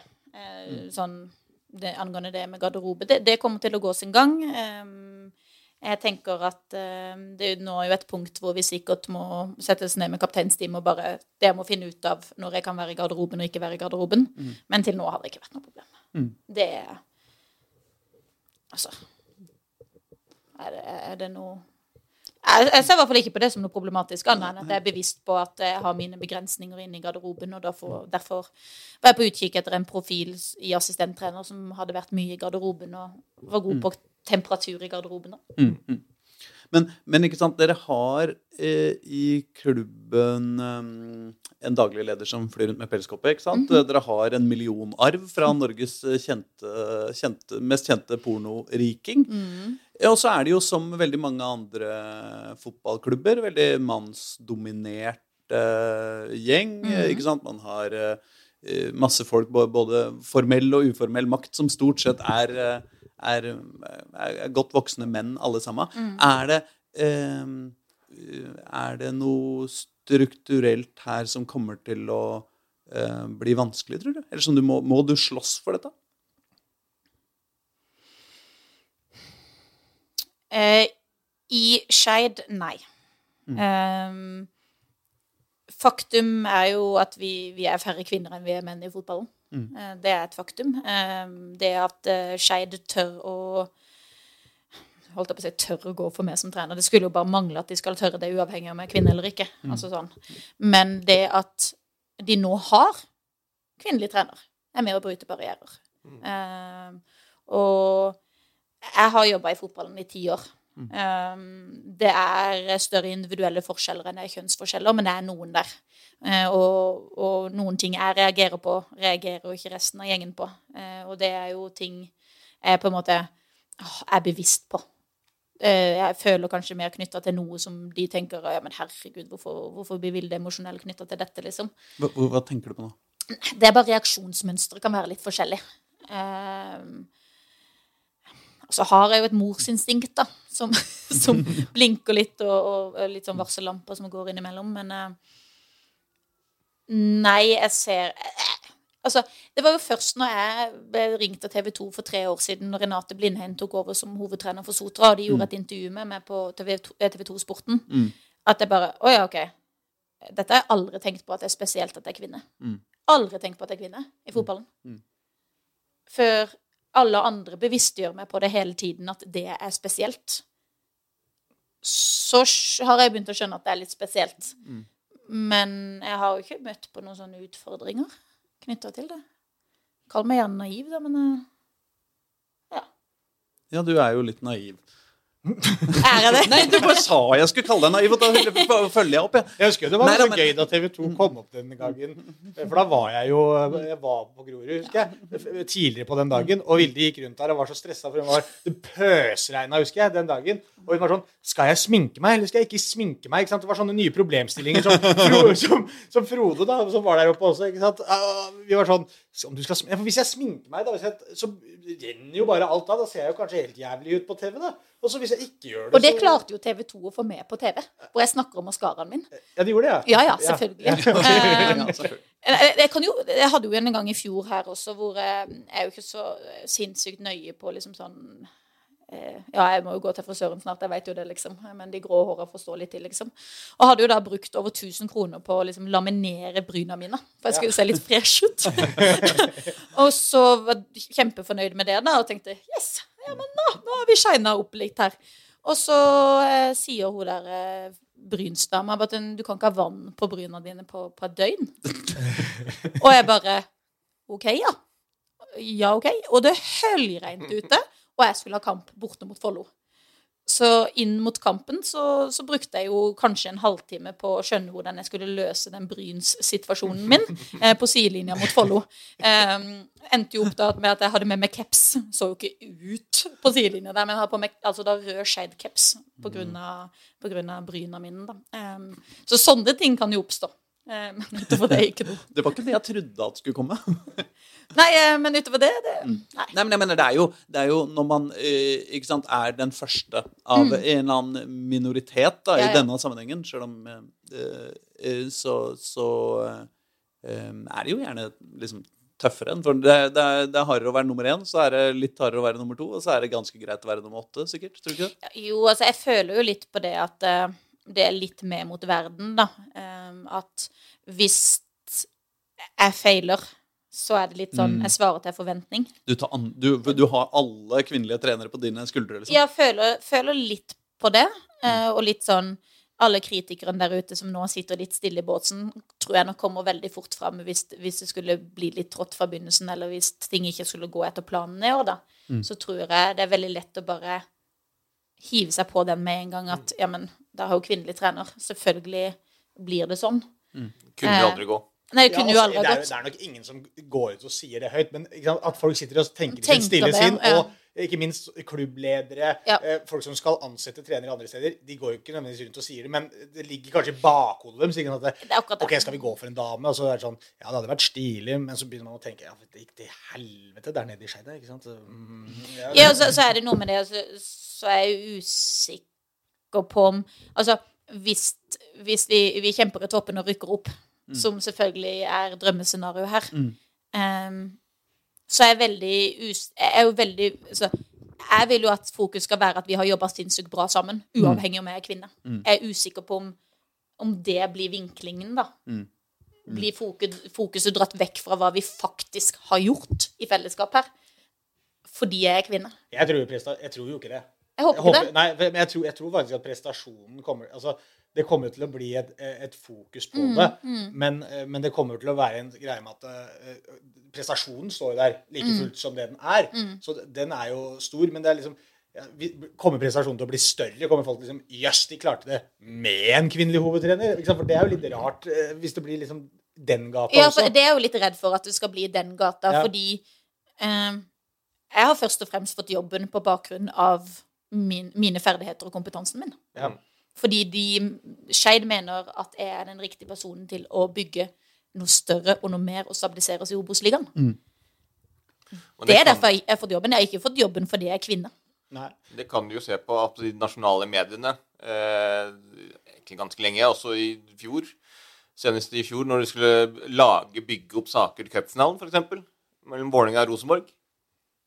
Det eneste, altså I nasjonale medier, det var jo selvfølgelig et par andre saker, men da var det jo veldig veldig mye fokus på at uh, Elise Thorsnes hadde vært sammen med uh, Janni Thomsen. Det var stort sett det som var av saker. Altså ikke sant? Og, og da, da var det jo det var Vålerenga-Rosenborg i cupfinalen. Og, og det her er jo også det fordi nasjonale medier dekker jo veldig lite eh, andredivisjon. Sånn, Så når de skal først ned dit og så lage en sak, og så må de liksom Ja, vi må forsvare at denne saken skal sånn og sånn og sånn. Ja, hva skal vi skrive det om? Nei, ja, det er litt gøy. Vi kan ta med at ja, de har en kvinnelig hovedtrener. Det er litt ja, det er kjekt å skrive om. Og så blir det ofte det som er fokuset, for de skriver én sak. I stedet for de som faktisk er der, ofte, da, sånn som oss, og skriver om ting som skjer hele tiden. Da kan vi liksom ikke Hadde vi skrevet om det hver eneste gang vi du skrive om så hadde jo ikke Altså Jeg ser på den åttende saken. Ja, Dette er Vilde. Hun er eh, Hun er kvinne. kvinne. kvinnelig hovedtrener. Men, men samtidig så har jo Altså, det å Det er jo ingen tvil om at ved, det at det er kvinne, det får jo en del profilering. Ja, men jeg det- tenkte hvis du snur ja. på det, egentlig. For Ja, det, eh, det får en del profilering. Og det, det, eh, det betyr ikke at jeg skal si ja til alt og være kvinnen, altså kvinnelig treners stemme utad. Det, skal, det, det, det er ikke på en måte mitt ansvar. Men det at jeg kan stille på ting, hvor eh, ting som jeg mener er interessant, med riktig vinkling For jeg får jo enormt mye henvendelser. Og så er det jo det å skille hva som er riktig å stille på og ikke, og da selvfølgelig profilere klubben. Det, det ganger jo klubben som helhet. At jeg er med og profilerer dem. Men du snakka jo litt om i stad hvordan, øh, hvordan fotballen ikke, har, eh, ikke jobber bra nok mot eh, rasisme. Og liksom eh, undertrykking av minoriteter i, eh, i, på, på banen da, og i fotballen. Men er det, er det noen paralleller der til er, ikke sant? Er, det en, er det en feministisk kamp her også som trengs å gjøres, ikke bare en antirasist? Altså, jeg opplever jo altså Der har jo NFF Der er de på ball. Um, jeg er jo sjøl del av et sånn kvinnelig topptrenerprogram mm. med, med tre andre kvinner. Jeg har egen veileder og rådgiver med egen utviklingsplan. Er jo kjempeheldig i to år um, gjennom NFF. Eh, slik at eh, der prøver de ut litt ulike tiltak. Og så er jo jeg selvfølgelig, da, som den skeptikeren her, vært ute og vært litt sånn småskeptisk til noen av tiltakene de har gjort. Men det viktigste er jo at de gjør tiltak. Og så får vi heller ta lærdom av de tiltakene som er satt inn. Men jeg tenkte på også i stad, du sa at uh, du har jo litt uh, morsinstinkt når du kommer til uh, disse spillerne ja. som du har hatt. Ja. Og det tenkte jeg litt på da jeg sto oppe i hallen i Raufoss her også. At liksom en oppvarming og sånn også, så var det litt sånn, litt sånn moderlig Du gikk rundt der og liksom klappa litt folk på skuldrene og var litt sånn derre Det blir litt annen sånn der tonefølelse som når det på en måte var du og ikke en mann. Det er sånn, det er litt som hvis du er barn, da. Hvis du kaller spillerne for barn, så er jo, har du en mor og en far. Og det er litt forskjell på hvordan du på en måte eh, får autoritet hos barna dine som mor kontra som far. da. Føler du liksom at det er noe forskjell på det? Eller tror du det er det? Det kan godt hende det ligger noe der, eh, men først og fremst så det, altså, det spillerne er opptatt av, er om jeg ønsker de vel. Mm. Og om jeg ønsker, eh, ønsker å bidra til at de blir bedre, og fagkompetansen min. eh, Og at det er gode fotballtreninger. Jeg tror nok det er det de bryr seg om. Og så ja, Men du skal jo ha en Kanskje jeg smiler litt ekstra, da, eller at jeg klapper de på skuldra, eller ja. Ja, nei, men jeg mener sånn, det er jo, det er jo hvis, man, hvis man er mann, da, så kan du fort gå ut på banen der og så som trener og si sånn Hei, hei, hei, alle hører etter, ikke sant? Nå må dere være stille. Jeg føler at det kanskje damer har en litt annen framtoning overfor mennesker generelt da, enn en menn. Var du litt enkel nå, eller? Ja, nå er du litt enkel, Håkon. Eh, nå, nå er det jo litt sånn eh, Som jeg var inne på i stad, jeg tror de individuelle forskjellene er større enn kjønnsforskjellene. Eh, sånn at eh, jeg kan òg braute og be de altså, bruse med fjæra, holdt jeg på å si. Ja. Eh, alt til sin tid. Men eh, det kan godt hende at jeg spør oftere hvordan spillerne har det, f.eks. Jeg bryr meg veldig om at, om de har hatt en fin dag, og er liksom litt interessert i livet deres, og, og vite at de har det fint. Det kan kanskje hende at det er en liten forskjell, da. Men det er jo ikke mange ukene siden vi hadde Johannes Mosgaard eh, på besøk i studio hos oss og, eh, og beskrev et KFUM som var jo ekstremt opptatt av disse tinga. Men det tolker jo selvfølgelig ikke vi som en kjønns, eh, i et sånt kjønnsperspektiv, Nei. ikke sant? Fordi han er jo tross alt fyr. Ja, men det er sånn, sier- Nå sitter jo jeg og leter etter liksom finne, finne forskjeller. Ja. Men det er jo akkurat det. altså Hvis du tenker på for eksempel Jan Halvor Halvorsen i Lyn også, så er jo altså de Ja. altså medmenneskelige relasjonene, altså måten han greier å bygge en spillergruppe på, det er jo mye av det som gjør at altså han har rykka opp så mange ganger. For han greier å skape et samhold og skape altså, Og det må du gjøre ved at du faktisk bryr deg om folk. For hvis du, ikke, 100%. ja, hvis du ikke bryr deg om folk, altså hvis du bare er trener som går ute der og bare ja, du ikke bryr deg, så, så gidder ikke spillerne bry seg tilbake. Men du må, du, må jo vite hva spillerne trenger til enhver tid for å ha det bra. Og du må, så, du må vite hvordan spillerne lærer. Alle lærer forskjellig, og det må vi tilrettelegge for. Eh, det å kunne være der når det er tøft, det å kunne eh, bygge opp under når de har det bra og er på flyt, og fortsette den flyten. Eh, du skal vite ganske mye om spillerne for å kunne tilrettelegge for det for 22-24 spillere da, hver eneste dag. For den psykologiske biten av å være trener tror jeg har Enormt mye å si. Ja, ja, og det har utviklet seg enormt mye, eh, og har egentlig sammen med samfunnet. Fordi det er eh, vanskelig å si for deg, men, men sånn på 70-tallet, liksom, hvis du var en altså, trener på 70-tallet, tror jeg du var liksom ikke sånn eh, Det kan være generalisering, men, men da var samfunnet på en helt annen måte. Så det er ikke sikkert liksom gikk rundt og spurte om hvordan det hadde, for da, da var det liksom det var, det var ikke normalt. Men altså, samfunnet utvikler seg jo, og det er jo også en viktig, viktig del av det å være trener. Vi må forstå hva de ulike generasjonenes behov er. Altså den der, altså Man har stimuli hele tiden nå med den mobiltelefonen. Altså hvilke hva, Hvilke muligheter gir det oss som fotballtrenere og pedagoger? Og hvilken begrensninger gir det oss? Vi må bruke, vi må bruke de verktøyene vi har, eh, på, på å treffe inn mot en spillergruppe. da. Um, og vi må forstå generasjonene. Vi må bestå, forstå behovene. Um, og så høres det jo ut som jeg er 50 her jeg sitter og snakker nå, men, men allikevel Jeg òg. Men, men, ja, men det er jo som jeg sier, det som jeg sier, jeg husker jo når vi måtte ringe til internett, og det var billigere etter klokka fem. Det var da jeg fikk lov til å liksom, gå på internett. Jeg husker jo liksom når mobiltelefonene kom for fullt, og du kjøpte det på privatmarkedet. Slik at eh, det er forskjell på det og på, på Leon Dahlstrøm, som er akkurat fylt 16 år og har hatt det i livet sitt hele veien. Og selv om jeg bare er 31, så, så er det forskjeller på de årene, da. Hvordan kan du huske oppringt? Nå satt jeg og lurte på hvor gammel er du egentlig? Ja, jeg er jo, altså, fordi jeg jeg er er jo fem- bygda, da. Så det kan Jeg er 45, og jeg hadde De ringer sånn fortsatt dit til internett. Ja, det er sånn derre Når noen tok telefonen i andre delen av leiligheten Akkurat når jeg var på internett, så brøyt internett Ja, ja, sammen men- og det greiene. Men det var jo ikke sånn på Hvis du er Du du måtte jo Jeg er ringe inn. 15 år eldre Tu, enn tu, tu, tu. Husker du ikke den Ja, ja. ringninga der? Jo, jeg husker det Jo. godt, men Husker du ikke det der? Jeg husker den. ja, ja, Samme det. Ja, men Jeg jeg liker at du snur på det, Vilde. Husker du ikke det, Aslak? Da vi måtte Nei, men altså, ja, men det Hva skal man si, da? Det det er forskjeller. Og så er jeg fra bygda, så jeg hang vel kanskje et par år etter, ja. Eh, ISDN kom, ikke, kom aldri til, til Gummibåtfestivalen. Nei, Nei, nei, aldri. Hopp over det. Men eh, vi skal begynne å hoppe oss videre i livet også, holdt jeg på å si. eh, og, det, ja. og begynne å runde av. Ja. Eh, Men jeg har litt lyst til at du skal, eh, til at du skal eh, snakke litt om den sesongen som kommer eh, nå Mm. først. Altså, hvor, hvor, altså, du vil rykke opp, det sier seg sjæl. Altså, jeg har ambisjoner. Jeg er det som jeg sa til Håkon, jeg hater å tape fotballkamper. Det vi jobber med hver eneste dag, er å vinne hver eneste fotballkamp. Mm. Det er målet. Eh, og så må vi jobbe for altså, Så er dette en prosess. Det avgjøres ikke i første seriekamp. Det avgjøres ikke i første treningskamp. Men det handler om å se, se hvor vi skal hen i fellesskap. Eh, så vi må være i posisjon til sommeren, og så skal vi avgjøre det på høsten. Hva, hva, hva skal til for er, er, Men er det det som skal til for at du syns at sesongen har vært bra? Liksom? Om dere rykka opp? Nei, dere- absolutt ikke. Vi, vi bygger for fremtiden også. Eh, og hvis, hvis det er slik at vi trenger et år, så trenger vi et år. Mm.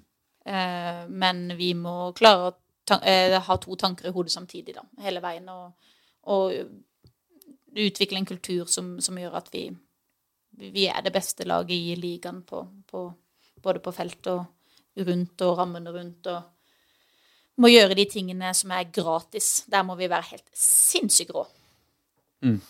Hva med deg når du, eh, når du eh, som eh, 58-åring eh, trekker deg tilbake fra trenergjerningen og blir TV-kommentator, TV-ekspert for fullt? Hva, hva er, den, hva er den, den jobben du akkurat har gått av fra da? Hvis du, kan, hvis du kan, nå kan liksom tegne din egen karriere framover. Det er jo litt skummelt, da. Å tegne sin egen karriere. Eh, men uh, Men det gir noen muligheter for Ja eh, da, å leve seg inn i jeg bli er jo litt uh, sånn kjedelig på det området også, hvor, hvor jeg er mest opptatt av å ha en, en stilling som hele tiden gir meg utfordringer. Hvor det er om ti år, det vet jeg ikke. Mm. Har ikke peiling. Om det er å trene kvinner eller menn, har ikke peiling. Men det viktigste har hele tiden vært altså, Jeg har jobba ti-elleve år i fotballen, jeg. Før jeg kom opp på et, på et seniorlag. Noen er jo bare i fotballen et år, og så har man et seniorlag. Altså, jeg trente barnelag i Grorud i fire år før jeg fikk, det, fikk et ungdomslag. Jeg har hele tiden tenkt OK, hva, hva kan jeg lære her? Hvilken mestring kan jeg få av dette? Hvilke utfordringer kan jeg få på dette nivået? Og da, hvis jeg hele veien evner å jobbe der, da, eh, og være liksom prosessorientert om min egen utvikling, så gudene veit hvor det kan nå hen. Jeg husker jeg snakka med deg en gang på Grorud og spurte deg på en måte Jeg visste jo bare at du var en som jobba med barne- og ungdomsfotball i Grorud, på en måte. Så jeg spurte deg en eller annen gang på en måte, hva, hva er det du egentlig vil, på en måte? Altså, Er du en barnetrener, eller er du en akademitrener, eller Og da sa du med en gang Nei, jeg vil bli hovedtrener. Eh, og da sånn litt implisitt i, i Grorud, kanskje, da, at det kan, kunne komme en mulighet der en gang. Men som du sa, det er ikke så viktig for meg egentlig hvor. Men jeg har lyst til å trene et, et herre-A-lag, på en måte. Ja. Var jo en ambisjon som du jo hadde, og som du jo nå faktisk gjør. Ja, altså sånn, Det har jo alltid vært en ambisjon, men så, så begynner man jo å tvile litt på veien nå. Jeg skal jo innrømme det. altså Kommer det noen ganger til å skje? Uh, men jeg tror det at veldig mange snakker om erfaring. Ikke sant? Jeg er 31 år, jeg tar over A-laget til, til Skeid, og så stiller man seg et, et, det er erfaringsspørsmålet hva er Vilde sin erfaring? Og Hvis erfaring er så svart-hvitt på om jeg har ledet et lag på nivå eller ikke, ja, men da har jeg ikke erfaring. Om du har scora i Champions League. Ja, men eh, man skal liksom har, Det er mye vanskeligere og krevende å trene gutter fem og få kvalitetsøkter og jobbe med fag på gutter fem. Og være så skarp og presis i språket ditt at gutter på fem år forstår. Og det evner jeg meget godt. Eh, og det å ha den erfaringen jeg har med å ha vært alt fra samfunnsleder til å trent og, og fordypa meg i hva kan barn og unge lære når, til hvilket punkt, til hvilken tid.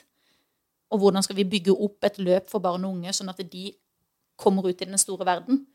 Det å bryte ned ferdigheter på denne måten, helt ned til fire-fem år, da kommer jeg med en erfaring og en kompetanse som andre ikke har. Eh, I tillegg til å ha jobba i Groruddalen, som jeg har gjort i ni år, og har jobba som lærer og er utdanna lærer. Det er òg erfaring. Det er ikke svart-hvitt hvorvidt jeg har stått på nivå eller ikke.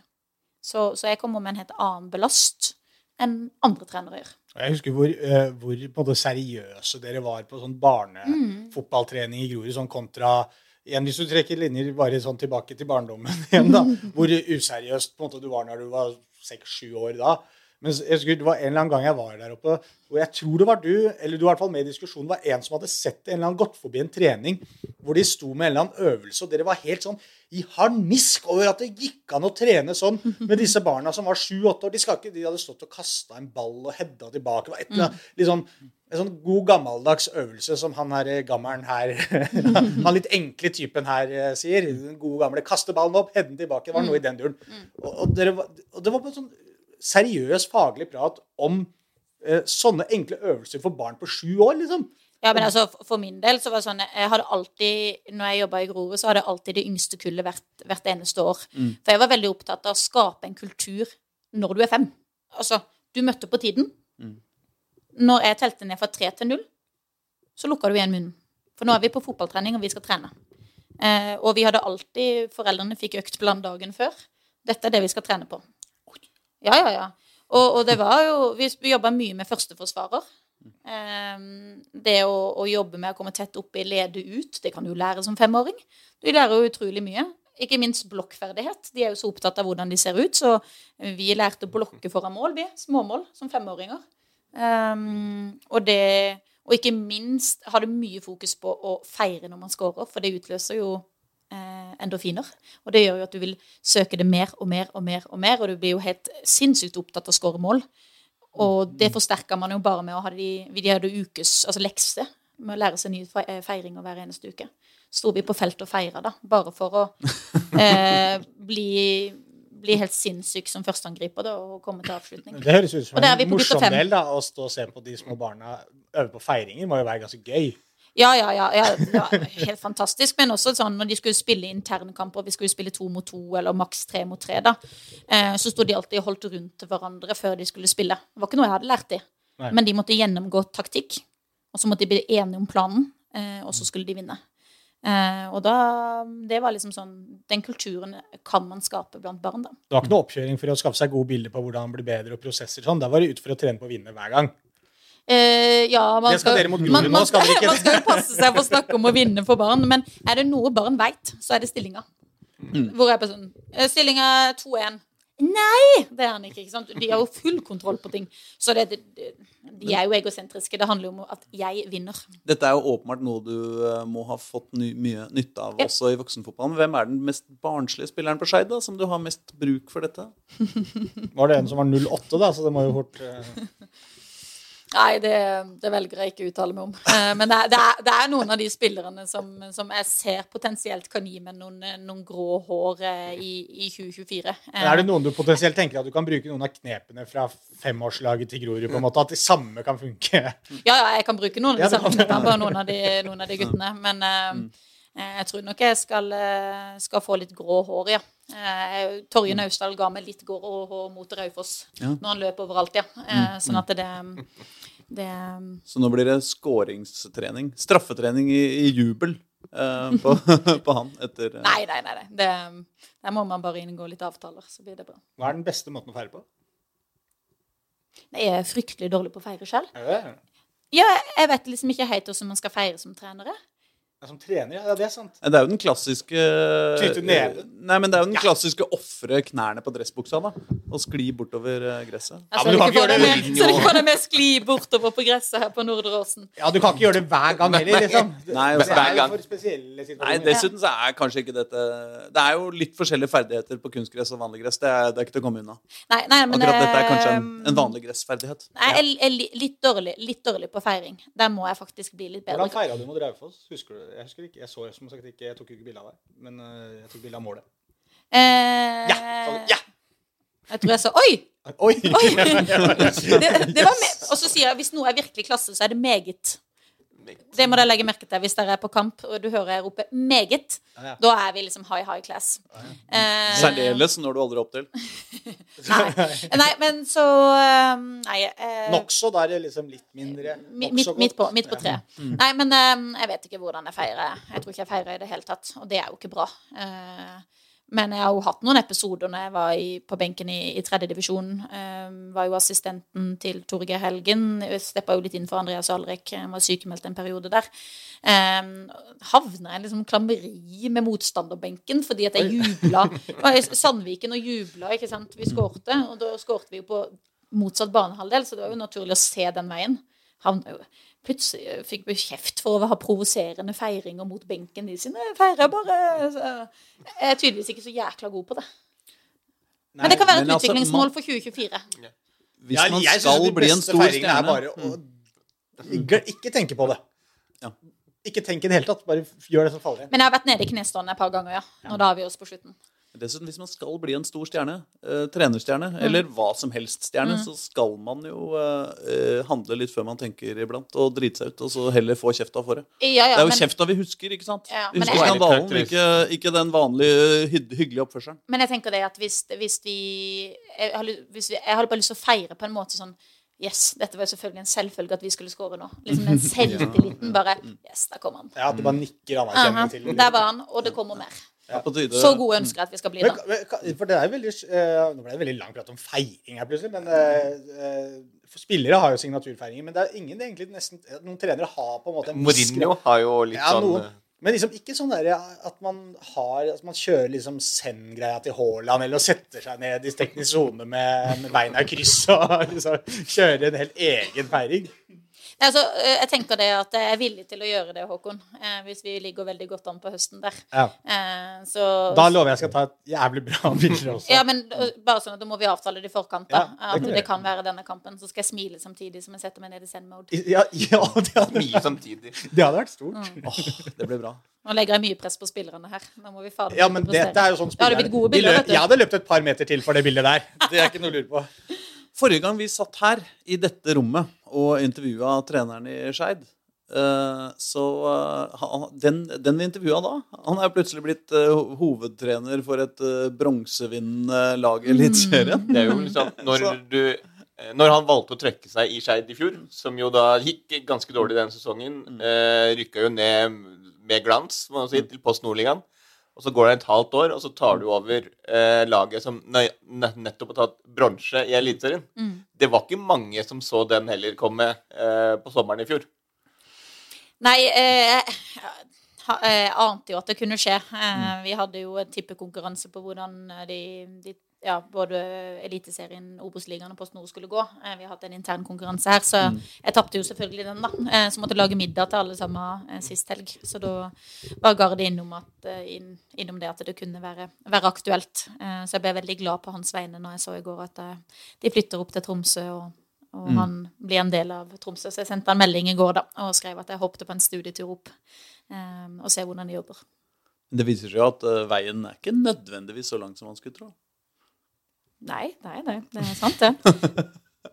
Sier, altså, det er jo likedan med spillere. Veien er ikke så lang som man skulle tro hvis man jobber godt. Mm. så det handler jo for meg om å, å ha noen tydelige mål og, og jobbe godt eh, med egne prosesser samtidig som jeg jobber godt med laget. Um, og få det beste ut av de folkene jeg jobber med. Så, så vet man aldri hvor det kan nå hen. da. Men jeg tror vi skal eh, runde av der, ja. på denne håpefulle eh, Du hører eh, ikke sant, Griegs morgenstemning i bakgrunnen nesten. da.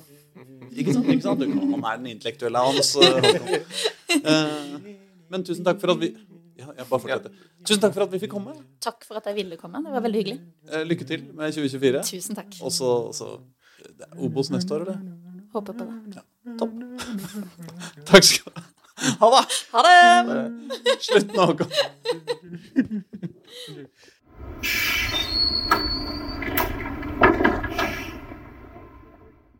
Du har hørt en podkast fra Dagsavisen. Ansvarlig redaktør heter Andreas Heen Haaland Karlsen.